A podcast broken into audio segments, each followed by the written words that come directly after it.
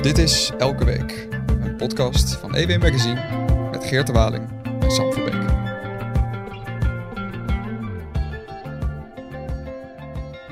Geert de Waling, Sam Verbeek. er is eh, ja, eigenlijk maar, maar één onderwerp waar we deze week over kunnen gaan hebben natuurlijk. Ja, ik begin meestal eh, de podcast al met een flauwe woordgrap of een, uh, of, of, een, of een gebbetje. Maar dat is deze week niet echt aan de orde, vrees ik. Uh, we hebben een soort nieuw 9-11 natuurlijk gekregen, maar dan in Israël. En voor het eerst uh, sinds de Tweede Wereldoorlog op één dag zoveel Joden tegelijk vermoord uh, door de aanval van, uh, van Hamas vanuit de Gazastrook op, op, de, op de Israëlische nederzettingen, het festival. We, weten, we kennen de beelden en de verhalen helaas al te goed. Um, dus daar hebben we het over. Ja, we gaan, we gaan onze eigen lichter er even op laten schijnen. Zowel internationaal en ook hoe, hoe er in, in Nederland mee om wordt gegaan. Ja, met wie kunnen dat beter doen dan Victor Pak, onze collega weer van de Binnenlandredactie, Amerika-specialist. Ja, vriend van de show. Politiek redacteur, uh, vriend van de show. Uh, vaak, vaak te horen op Radio 1, dus eigenlijk moeten we ook blij zijn en trots zijn dat je ook eens een keer voor onze microfoon weer, weer zit. Voor jullie heb ik altijd tijd. Uh, welkom Victor. Um, toch nog een beetje luchtig begin, maar het was natuurlijk ook een, voor jou een, zijn zwarte dagen. Ja, het, het, was denk ik gewoon, de, de beelden zijn altijd heel heftig bij dit soort menselijke tragedies waarin mensen elkaar onbeschrijfelijk leed aandoen. En dat is gewoon, nou ja, de, de, de beelden, bijvoorbeeld een auto die komt aanrijden bij een hek waar een Israëlische bewoner van een kibbutz in zit. Uh, ik geloof zelfs meerdere, meerdere inwoners. En dan staan er twee Hamas-strijders op te wachten en die schieten die mensen dood. En het ja. hek gaat open en dan weet je dat ze die kibbutz binnentreden op natuurlijk nog veel meer slachtoffers te maken. Ja, ja dat, dat is een klein deel. We hebben heel veel beelden natuurlijk van, van het Vredesfestival, notabene een Vredesfestival ja. gezien, waar dan de paragliders met Hamas-strijders boven cirkelen. En mensen eerst nog schijnen te denken, oh, het is misschien onderdeel van de act, van, een show. van, de, van de show. Ja.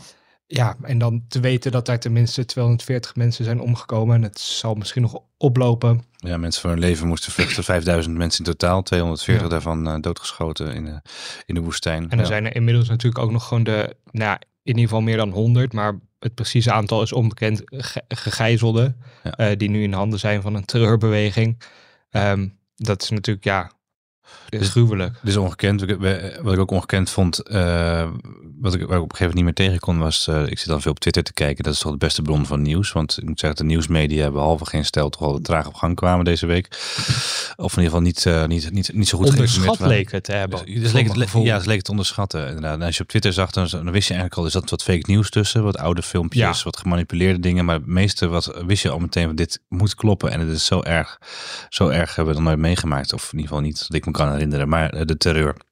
Uh, en ook tussen uh, onthoofde baby's en, en, en dat soort verhalen en verkrachtingen. Het on onteren van lijken komt allemaal naar boven natuurlijk. Die, uh, zelf, zelf schoot ik opeens helemaal vol bij het zien van een hond die werd doodgeschoten in een kibbutz. Dat is raar. Ja. Die, die, werd, die achtervolgde zo'n strijder. En, ja, ja, en die stond nog op en die werd een tweede keer afgeknald en die, uh, die viel dood neer.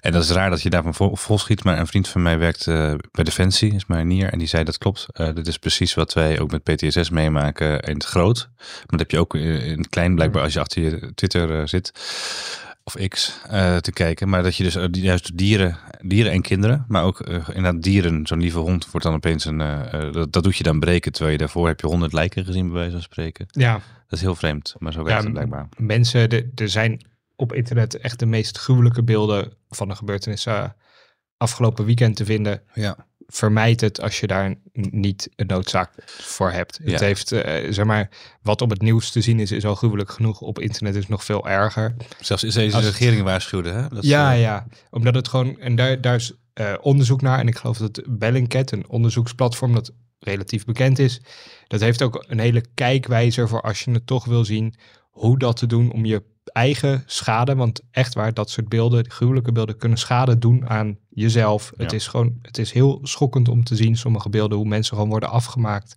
Um, of zelfs dieren in dit geval dan.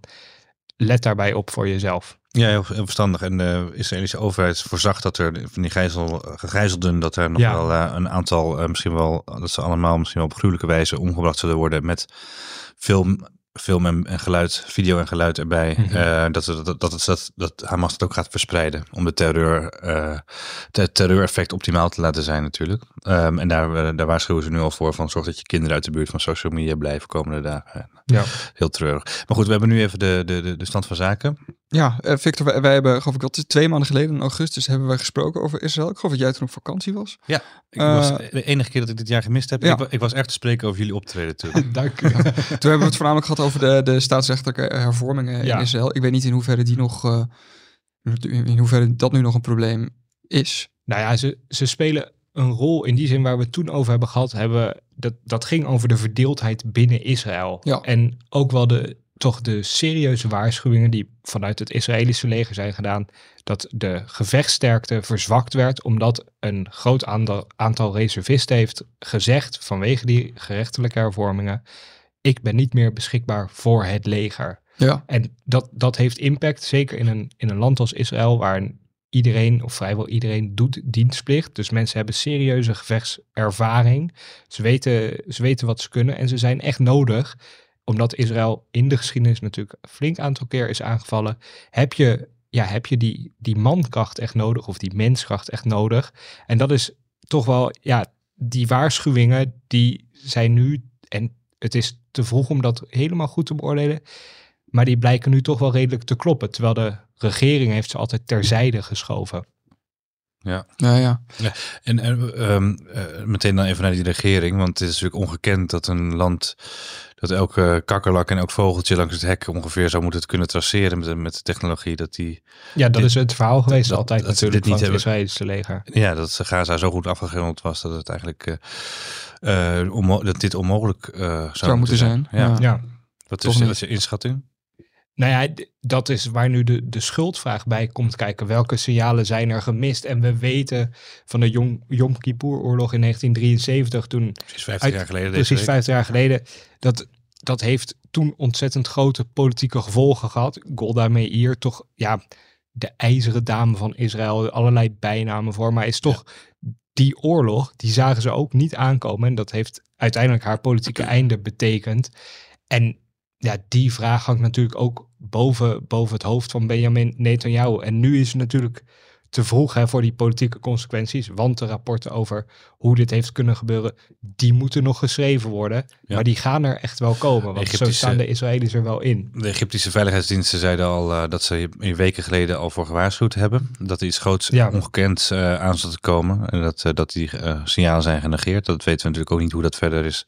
Wat zij precies hebben gezegd en gezien. En hoe dat is overgekomen bij de IDF, eh de Israeli Defense Force. Ehm, maar ja, dat is inderdaad dit is wel een grote vraag. De politieke positie in Israël, of de politieke situatie was natuurlijk al heel ingewikkeld. Ja. Eh, want die, die, dat, die coalitie is vrij bizar, geloof ik, hè, van Netanyahu met vrij rechtse eh, Ja, heel ex- splinters. extreme politieke partijen heel erg aan de orthodoxe kant. Ehm, en dat, zeg maar, de, zeker om dan zo'n groot besluit, hè, die, die rechterlijke hervorming door te voeren, terwijl je eigenlijk maar de steun hebt van ja, splinters als het ware en je eigen partij, maar sowieso. Deze zomer Dan- nog gingen er, wat was het, miljoenen mensen ja, op. zeker. Dat, dat geeft aan hoe verdeeld het was. Ja. Maar goed, we moeten ons niet verkijken op nu is Israël verenigd. Er zijn onderhandelingen om een, om een regering van nationale eenheid te vormen. Zeer waarschijnlijk gaat dat ook lukken. En dan, want Israël wil wraak Ja. voor de doden. Gijzelaarsvrij Ja. en doden wreken, ja. En, maar daarna zal er een heel, heel politieke eh, strijd losbarsten. Dat, daar kan je nu vergif op innemen. Hey, en de, de belangrijkste relatie die eh, Israël heeft in de wereld is met de Verenigde Staten. In augustus vertelde je ook dat die eigenlijk de afgelopen jaren een beetje bekoeld is. Misschien sinds het aantreden van, van Joe Biden, omdat Netanyahu geloof ik een stuk beter kon vinden met Trump. Ja, Eh, ehm, hoe, hoe, is, eh, hoe is dat nu? Nou, je ziet nu, je ziet, kijk, ehm, Biden en Netanyahu zijn eigenlijk mensen die elkaar nodig hebben, maar dat liever niet willen eigenlijk. Je bent Veroordeeld tot elkaar. Ze zijn veroordeeld tot elkaar, want ze zijn alle, allebei gekozen. Ehm, Biden noemde, heeft Netanyahu nog een gevaar genoemd voor Israël eigenlijk.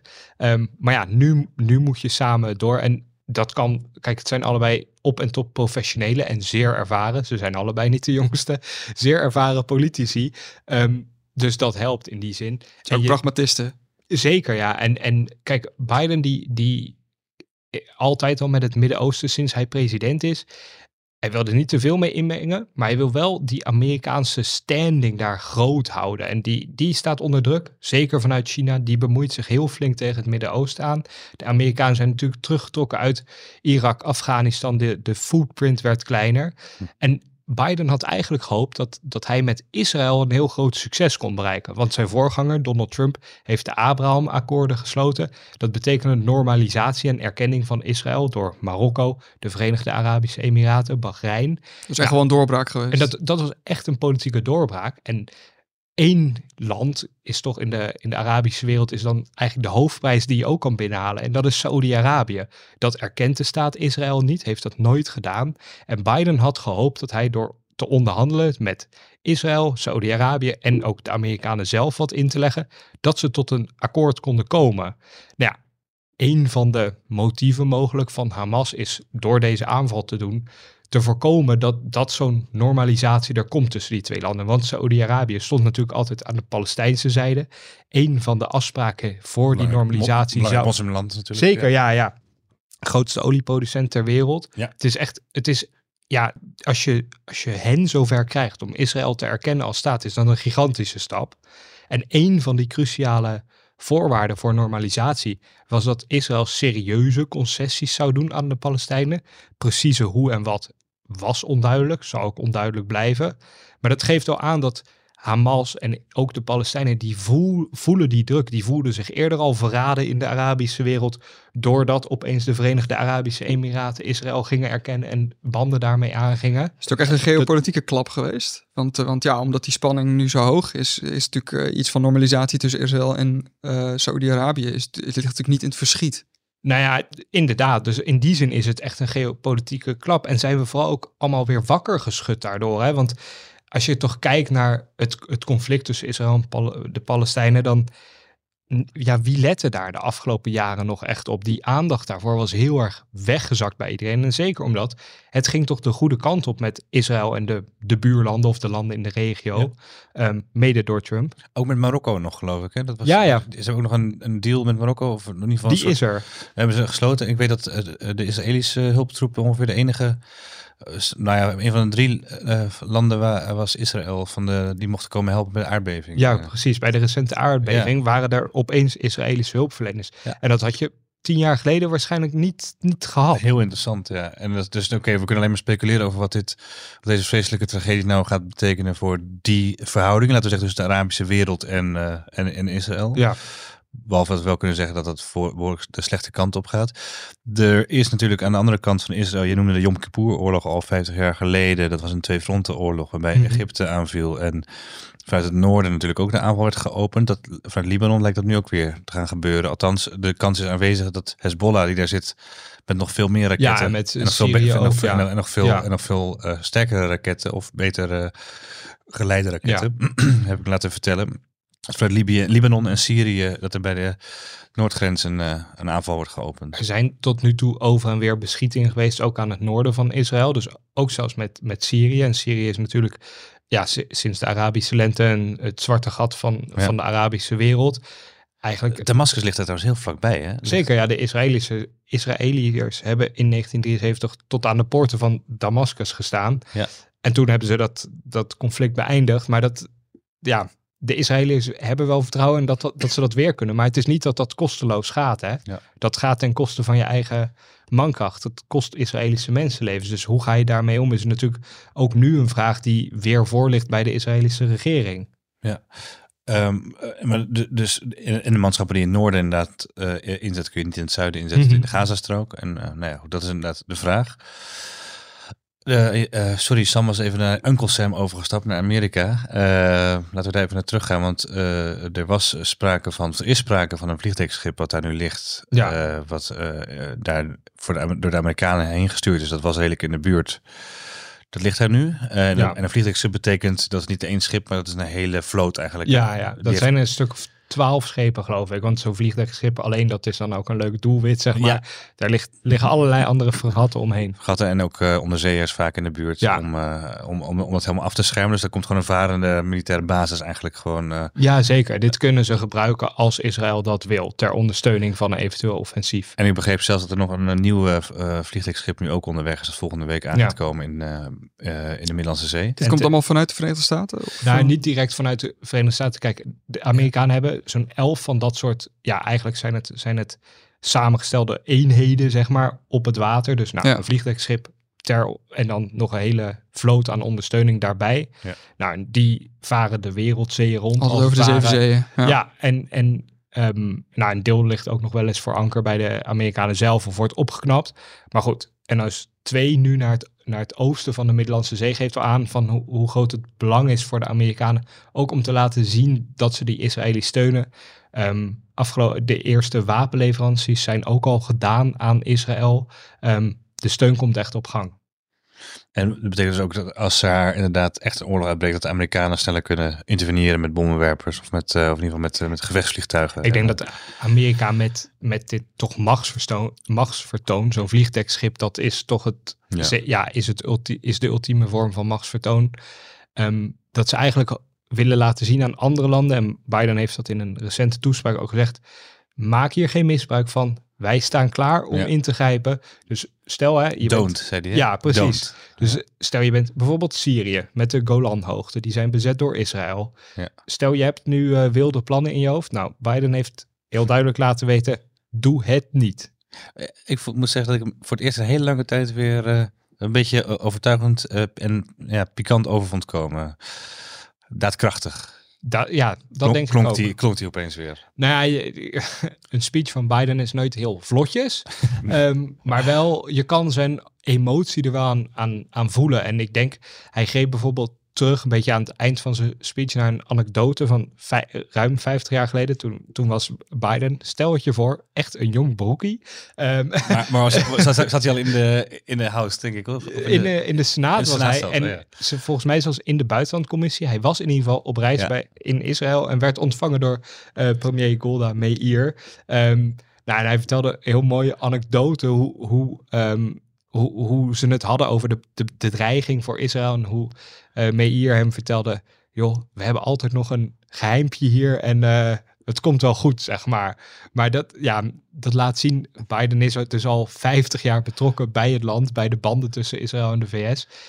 Hij wil ze niet laten, hij gaat ze niet laten vallen. Voor het eerst dat het in zijn voordeel werkt, hè, zijn leeftijd. eh, ja, dat, nou ja, die Ja. ervaring Senioriteit, wel, ja, ja. Dat, inderdaad, ja. En eh, toen ehm, de, het conflict tussen, of tenminste de oorlog tussen Oekraïne en Rusland eh, uitbrak, toen werd er eh, hier daar toch wel gezegd dat de, het tijdperk van het, het gevaar van het islamisme, dat het een beetje voorbij was. Is nu, is nu hier eigenlijk iedereen weer een beetje wakker geschud? Ja en nee, denk ik. Ik denk dat, zeg maar, de, kijk, de, de vergelijking wordt vaak gemaakt met die, die aanslag van Hamas, eh, met, met de Bataclan of 9-11, echt Ja. terreuraanslagen. Omdat Zo- het natuurlijk zo, zo vreed is, hè, met die Ja, onthoofdingen. Het, zeker, en ja. Het, het, het is ook heel vreed. De vraag is filmpjes, alleen filmpjes daarvan, ja. gewoon, en dat, eh, Biden refereerde daaraan in zijn speech. Dit, dit grijpt ook terug op millennia aan jodenvervolging. Aan gewoon het klassieke afslachten van, een, van de Joodse bevolking. Pogroms. Ja, en of we, of we dat niet hebben gezien eigenlijk, dat, dat spiegelde Biden in zijn verhaal voor. En dat is misschien ook wel een, een beter verhaal. ehm, En radicale islam speelt daar een rol bij. Hè? Je hebt ook nog een soort jihadistische eh, groep die daar die eh, samen actief met is. Hamas optrekt. Die samen met Hamas optrekt. Dat is een soort jihad. Dat is een soort, eh, dat soort IS eh, eh, light. Of nee, niet light, maar kleiner bedoel ik. Eh, Ja. Maar niet- zeker niet lighter. IS Eh, small. niet, niet lichter dan, dan, dan IS. Dus er zit ook een radicale islamfactor achter. Er zit een... Vanochtend is ook een, eh door een Hamas-leider de jihad uitgeroepen voor op vrijdag de 13e. Ja. Dan moet iedereen de straat op gaan in de wereld. De hele Oema, de hele islamitische gemeenschap geloof ik, moet dan de straat op gaan. Maar zij, ma- zij Om proberen het, te betuigen, ja. Zij proberen er natuurlijk altijd al, een, in plaats van een heel lokaal politiek conflict over territorium, proberen zij er natuurlijk altijd al een religieuze strijd van te maken. En, ja.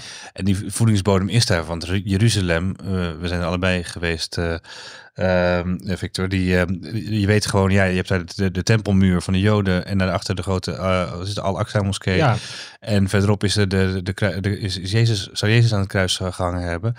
Ja, dat is natuurlijk een hele een hotspot altijd al geweest. Voor, voor die geloven, ja. En, voor die geloven en, en, een heilige plek voor, voor de islam en voor het jodendom en voor het christendom. De bestorming van Hamas heette ook, of is even gaan heten, Al-Aqsa-strijd, zeg Ja. maar. Dus dat geeft aan ook een soort van de drang om op te rukken naar de moskee in Jeruzalem. Ja. Ehm, de Taliban, ehm, je zou denken, die zijn misschien bezig met de gruwelijke aardbeving in, in Afghanistan met duizenden slachtoffers. Die kwam Maar die, tegelijkertijd. die bood eh, ook meteen aan dat als ze de vrije doortocht zouden krijgen, dan zouden zij ook Jeruzalem gaan veroveren. Nou ja, het logisch is dat die terreurgroepen samenspannen. Dus we krijgen is, er nu echt een tijdperk weer van islamitische kruistochten. Is dat een... Ik, nou ja, dat weet je niet, maar het, het, we zijn wel allemaal weer alert erop. En ik denk dat het heel goed laat zien, alles waar, wat we net besproken hebben, dat dit niet een lokaal conflict is. Nee, hier hangt heel veel mee samen. Misschien kunnen we even kijken naar eh, hoe er hier in Nederland eh, op is gereageerd. We hebben over een Ja. ruime maand hebben we eh, hier verkiezingen. Misschien kunnen we even luisteren naar hoe de eh, leider van de VVD, Dylan Jezus, hier op reageerde in op één. Oké. Het moet hels zijn geweest. De 260 jonge mensen die daar hun jeugd vierden. Dat is het dubbele aantal van Bataclan in 2015. eh deed eh, mij daar meteen aan denken. Eh, een, een terreurdaad, wat, ehm, en dit is op één locatie nog. We weten inderdaad nog helemaal niet hoe de rest van het land eruit ziet, wat er nog gaat komen. Eh, puur, puur eh, terreur. Ik heb me ongelooflijk geërgerd aan eh, tweets en berichtgeving die het hadden over strijders en militanten. Dit zijn terroristen. Als jij burgers, baby's ontvoert, vrouwen doodmaakt, naakt, vervolgens de lijken door de straat sleept. Eh, onschuldige burgers, dit is terreur. Dit zijn terroristische daden. Eh, en op het moment dat dat om ons heen in Parijs of op andere plekken gebeurt, terecht ze- hebben we, praten we er vol walging over. Dat hoort hier ook. En op het moment dat dat gebeurt en nog gaande is, past voor mij niet een ja maar. Dat past niet. Nee. helder, zoals eh Jesse Gus wel bekend staat om heldere uitspraken in dit soort zaken. Eh, hoe heb jij dat begrepen, Victor? De, de reactie eh, waar zij zich aan ergerden? Strijders, militanten, een soort semantische discussie barstte er los. Nou ja, Jezus maakt een terecht punt dat- het inderdaad, dit is terreur. En Hamas is ook gewoon een terreurbeweging. Hè? Ik bedoel, dat, dat wisten we al heel lang. Dat, Ja. dat is geen nieuws of zo wat we nu eh, groots kunnen, kunnen, kunnen brengen. Dat is gewoon bekend. En het is heel gek om daar dan eh, aanhalingstekens tussen te zetten. Of het dan maar als strijders te zien of wat dan ook. En kijk naar de, de daden. Ik vind het ergens merkwaardig dat dit, dan de, dat dit in Nederland dan de discussie is die, die losbarst ehm, daarover. Hoe je, hoe je dat moet benoemen terwijl het eigenlijk klip en klaar is. En is dit, eh, is dit een klassiek VVD-geluid of is dit eigenlijk meer authentiek Dylan Jezus?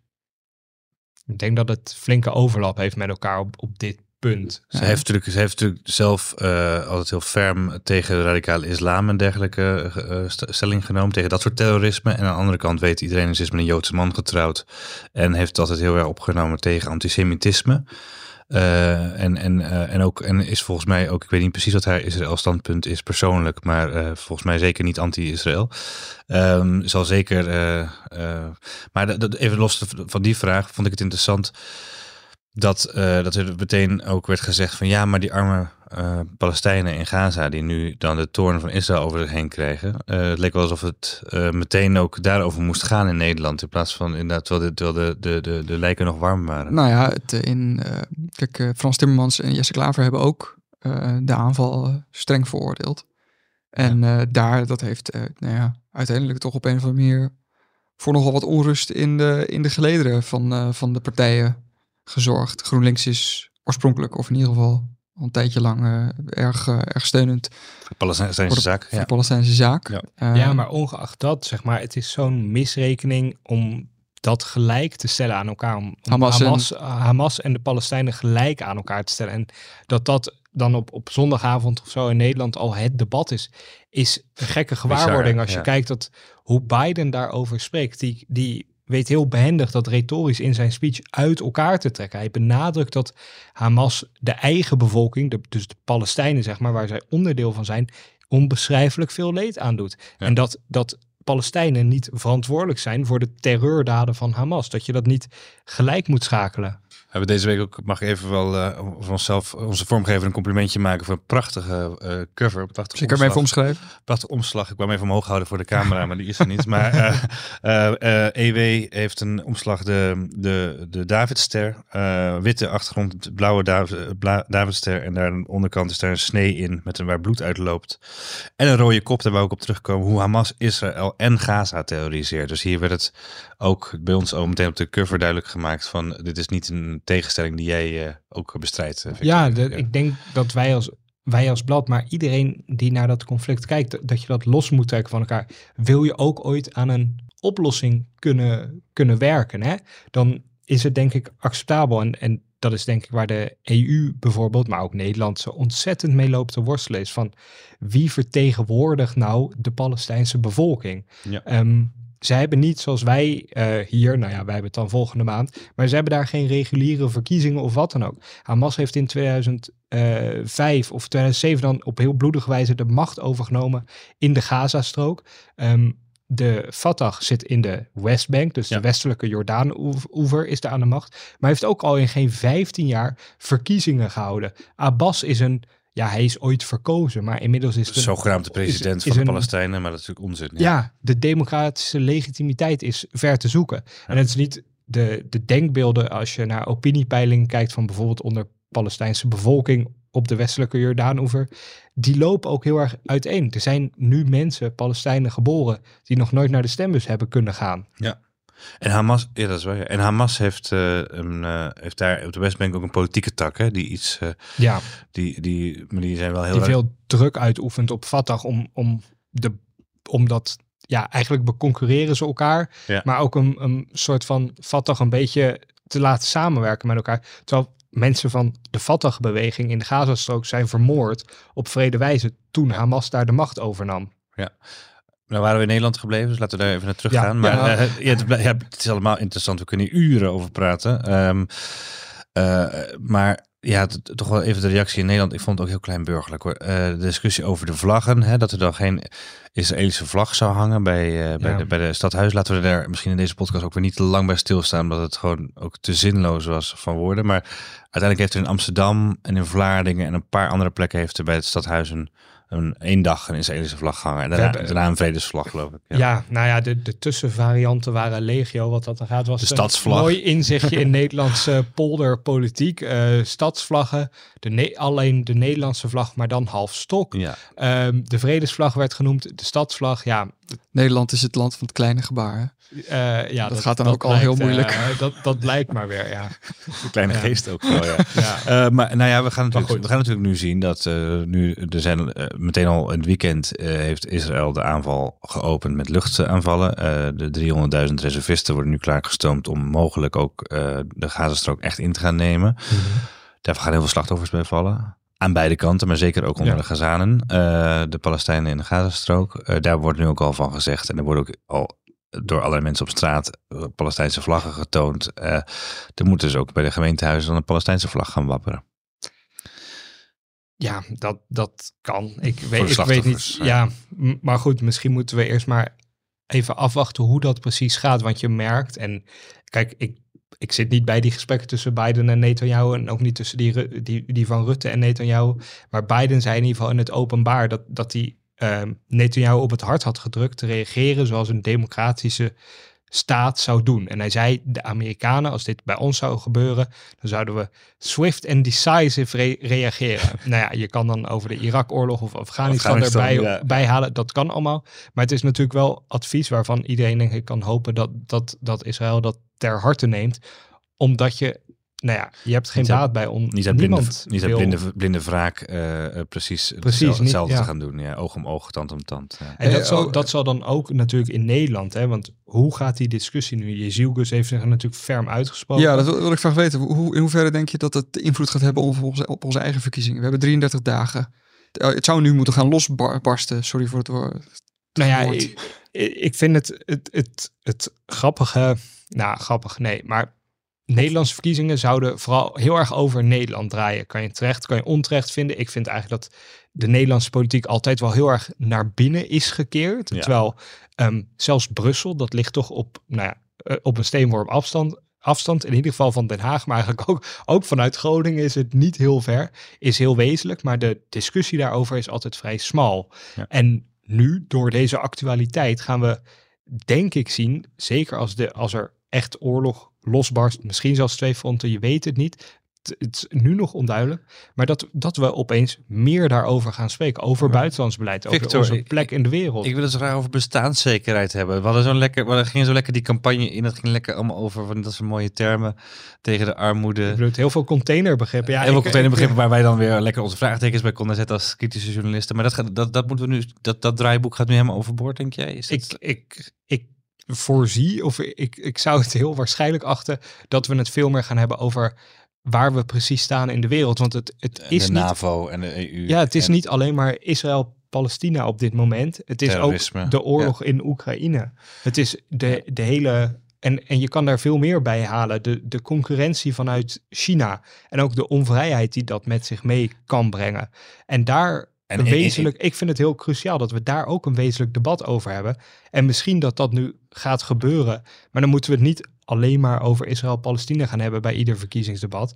Ja. Maar meer over het belang voor Nederland. Wat dat is in een, in een onrustige internationale wereld. En wat er gaande is, ja, wat voor visie je daarop hebt als, eh, als partij. Ja, Ehm, ja, e- één puntje wat ik nog wel aanstip, omdat het gewoon voor mij is, eh, daar in de aanvulling, omdat ik dat altijd heel erg boeiend vind. Ik ben daar zelf ook al geweest in Kosovo. En eh, dat gaat volgens Ja. mij, daar wil ik even waarschuwen, dat gaat volgens daar mij ook waren helemaal... ook spanningen. de verkeerde daar is kant op. gewaarschuwd voor een Servische aanval. Die Ze- zijn niet gekomen. Ik geloof dat de Amerikanen Maar- hebben gewaarschuwd. Ja. Die zagen dat Servische troepen naar de grens trokken. klaar. Ja. Ja.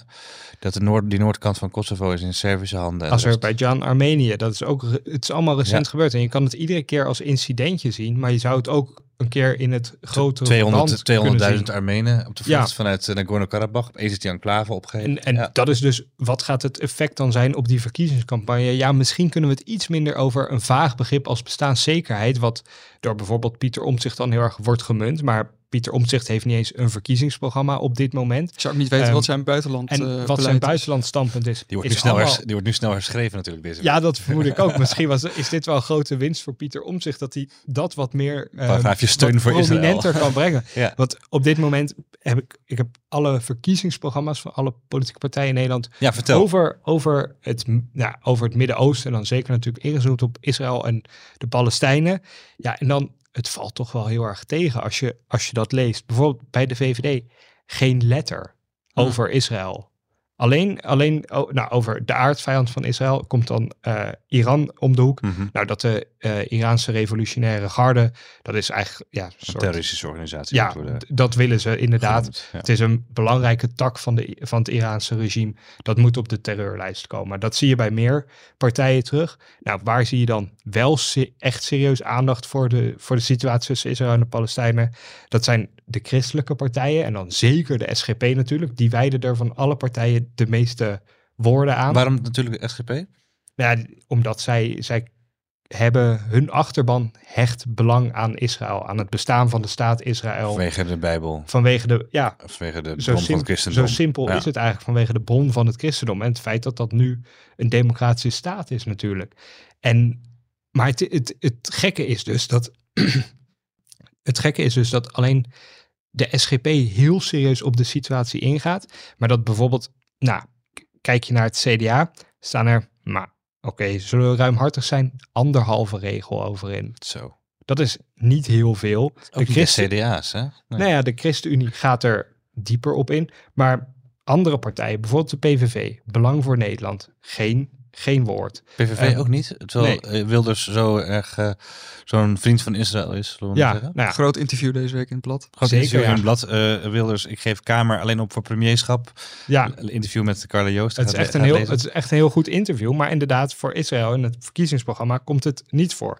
Ja, 21 wil de Nederlandse ambassade van Tel Aviv naar Jeruzalem verhuizen als vriend van Israël. Maar over de precieze complicaties, die staan er niet in. Alleen deze ene belofte. Iets wat Trump trouwens met de Amerikaanse ambassade inderdaad. Ja, ja. De- het- ze zullen het ergens hebben afgekeken. Nou, en dan als je links kijkt, dan zie je dat er ook veel aandacht voor is. En dan, nou ja, bijeen met echt radicale standpunten. Bijvoorbeeld het opschorten van het associatieverdrag ehm, met Nederland. En een einde aan alle... Nederland-Israël. Aan Nederland en Israël, sorry. Ja. En een einde aan alle handelsbetrekkingen met Israël, erkenning van de eh, staat Palestina ehm, en actieve inzet voor een einde aan de kolonisatie en de illegale nederzettingen eh, van eh, Joodse kolonisten. Ehm, maar ook een aanpassing van bijvoorbeeld ehm, de, het verdrag wat Nederland onderschrijft over de definitie van antisemitisme, zodat de staat Israël als racistisch kan worden omschreven. Zo, Nou, ja, gaat, gaat heel ver. heel ver. ja. Maar ze, het is zij, een zij stonden ook met de Palestijnenvlag te zwaaien en eh, lieten overal weten: From the river to the sea, Palestine will be free. Hè? Dat was Ja. ook echt bij een, eh, althans mensen van bij één die dat het, eh, goed, het is een partij die er wel diep op ingaat. Nou, andere partij die daar dat tegenin, te- die daar redelijk tegen aanschudt, is Partij voor de Dieren. Die wil druk uitoefenen op de Israëlische regering om te stoppen met de bezetting. en ook erkenning van de staat Palestina. Ehm, nou, en dan schuif je iets meer op richting het midden. Komen we bij GroenLinks PvdA aan. Ja. En dat is waar het toch ja, spannend is of Ja. schuurt.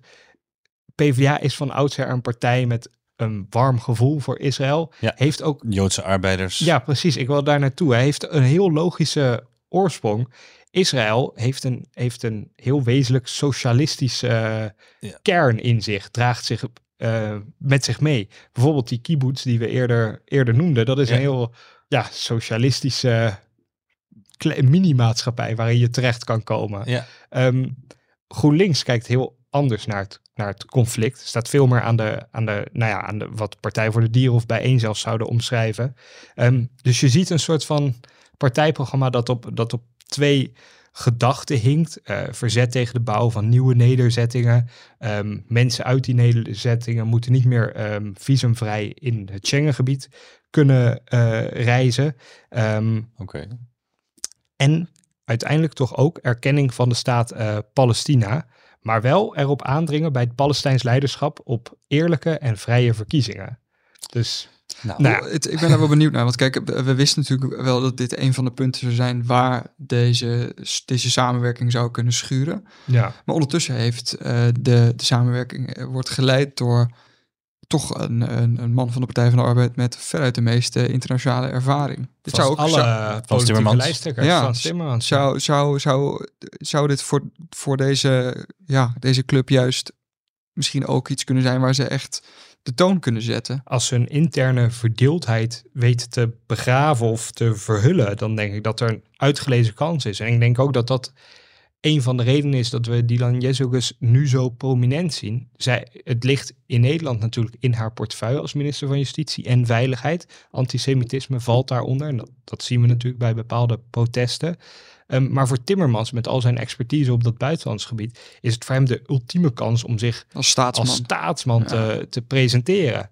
En dat, dat is iets waar die alleen maar gebruik van kan maken als hij zijn partij meekrijgt in zijn verhaal. En nou ja, die eerste reactie was natuurlijk ehm, rechtvaardiging voor, voor Israël om, om dit te verslaan, om dit terreur te verslaan. Maar hij zelf, zal, zelfverdediging, hè? ja, zelfverdediging. Maar hij zal natuurlijk een draai moeten gaan maken op het moment dat we in, in de Gazastrook heel veel burgerslachtoffers kunnen zien. Ehm, dat is natuurlijk een mogelijkheid, afhankelijk van hoe er precies gereageerd gaat worden. En dan, je moet continu die partij bijeenhouden. Aanstaande zaterdag eh, is het partijcongres. Dus eh, voor wie de podcast hier naluistert, ja, we weten niet hoe het gegaan is. Nee. Maar het is wel een thema wat waarschijnlijk eh, ook daar Het zal ter sprake komen. Al sprake komen. lijkt het op de, de moties die ehm, voor kunnen liggen om het, om het heel erg aan te passen of, of daar, daarover te spreken, die, die vallen tot nu toe erg mee voor dat partijcongres. Dus dat kan wat lucht verschaffen. Ehm, anders krijg je natuurlijk ontzettende discussie als heel veel moties over dit conflict gaan.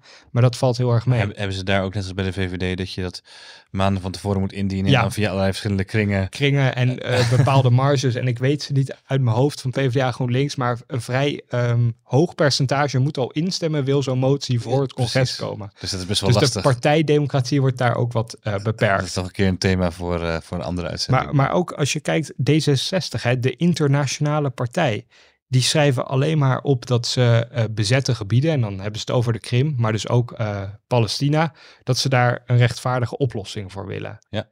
Nou ja, dan ben je de partij die altijd Extra hè, vaag. internationaal denkt of, of zegt te denken. Maar ook bijvoorbeeld Volt, geen letter. Je, je vertrekkend leider is nog met een Palestijn getrouwd, heeft er gewoond. Uh, Sigrid Kaag. Ja, dat Ja, is misschien omdat ze vertrekkend is dat de aandacht verslapt. Maar het dat is zou wel kunnen, ja. ja. opvallend dat het zo karig is. Zo kunnen we het wel omschrijven.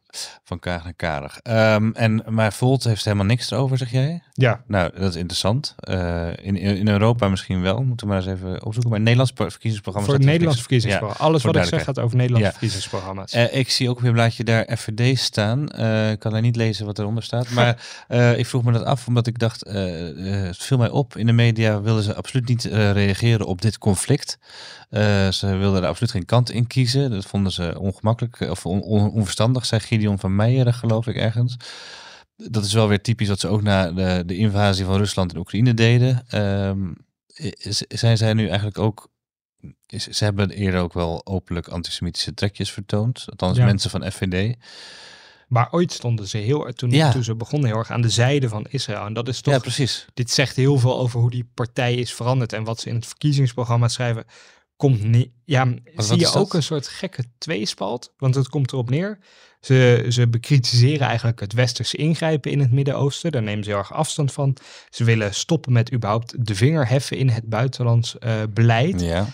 Maar ook steun voor de positie van christenen in het Midden-Oosten. Dus dat dan Ah, komt ja. er toch weer wel bij. En en dat wel, maar, maar steun voor Joden of voor Israël staat helemaal Ja, niet. dat eh, staat er niet. Voelen zich gewoon niet op hun gemak bij dit hele onderwerp lijkt het. Nou ja, vier jaar geleden denk ik wel. En nu Ja. niet. En dat zegt veel over de nieuwe koers van de partij. Ja, Ja. inderdaad. Eh, ze hadden zondag ook een feest, eh, zag ik ergens in Eefde bij Zutphen. Dat was niet heel druk bezocht. was niet heel druk bezocht. Met de juiste fish islands kon je er nog een paar honderd man eh, op, op één foto krijgen. Maar, ehm, maar daar is het volgens mij ook niet helemaal, of helemaal niet over gegaan, over wat er in Israël gebeurde. Nee. zo. Het was echt totaal een eigen, eigen bubbel, Feestje. zoals ze willen. feestje, Een eigen bubbel. Ja. ja, nou ja, goed. Ehm, ik ben benieuwd. We- voor de verkiezingen is er nog een andere partij die we nog missen. Ja, ChristenUnie zit er echt bovenop. Hè. Die zijn altijd enorm eh, fan van Israël geweest en ook vrij uitgesproken over. Ze zijn ze, ze- Ja, solidair ook- met de Palestijn, Palestijnen, maar wel echt wel voor de staat over- Israël. Ja, precies. Dus als je over tweespalt hebt, zal dat daar ook kunnen toenemen. Ja. Als Israël op heel eh, vrede wijze binnenvalt. Als daar veel burgerslachtoffers in Gazastrook bij vallen. Dan zal je zien dat ook daar de druk toeneemt. Je ziet al bij de jongerenbeweging van de ChristenUnie perspectief. Dat daar af en toe, bijvoorbeeld ook als het gaat over klimaatverandering. Over Ja. Extinction Rebellion, over protesteren op de A12. Dat daar anders wordt gedacht dan ehm, de partijtop van de ChristenUnie. Ja, en dat de, jo- de jongeren zijn wat radicaler in die zin. Ook als het hier om gaat. Oké, We wachten de reactie af. Swift en Decisive eh, is, is geadviseerd. ik ben heel We benieuwd. hopen dat het, eh, ja. ja, Eh, dat het niet helemaal uit de klauwen escaleert. Eh, Victor, eh, we gaan het natuurlijk volgen. We gaan je binnenkort vast ook weer vaker horen eh naarmate de verkiezingen echt eraan aankomen. Ehm, jij, we hadden je eigenlijk uitgenodigd voor iets heel anders, maar Ja. toen, toen gebeurde Gaza, zomaar zeggen. Ehm, eh, jij hebt namelijk een essay geschreven over het samenwerken, of dat partijen eigenlijk elkaar moeten uitsluiten voor de verkiezingen. En ik wou het toch even onder de aandacht van de luisteraar brengen bij deze. Ik ben, Dank niet, je. ik ben het niet eens met je conclusie, maar daar, zouden we, daar zouden we nog een keer een discussie over kunnen voeren. Maar niet vandaag. Maar misschien Dat gaan we nu maar in de kroeg doen. eh. Een stuk staat in de show notes. Ja. Misschien, misschien dat Sam zo lief wil zijn om het inderdaad in de show notes te zetten. En ook zoveel mogelijk artikelen die er bij EW verschenen zijn in het blad en op de website over Israël. Want het, is, eh, het houdt ons erg bezig en we proberen er zoveel mogelijk duiding te verschaffen voor de dolenden in deze duisternis. U vindt ze allemaal in de bijlage. Dankjewel Victor. Dankjewel, Graag Victor. gedaan. Dit was Elke Week. Een podcast van EW Magazine met Geert de Waling en mij, Sam Verbeek. Zoals elke week kan je de besproken artikelen ook vinden in onze show notes. Voor dit een leuke podcast, abonneer je dan en laat een leuke review achter. Heb je vragen of opmerkingen? Geert kan je op Twitter vinden onder Geert de Waling. Ik ben op Twitter te vinden onder SamWV. Je mag me natuurlijk ook mailen naar sam.verbeek.ewmagazine.nl Dank voor het luisteren naar Elke Week. Tot volgende.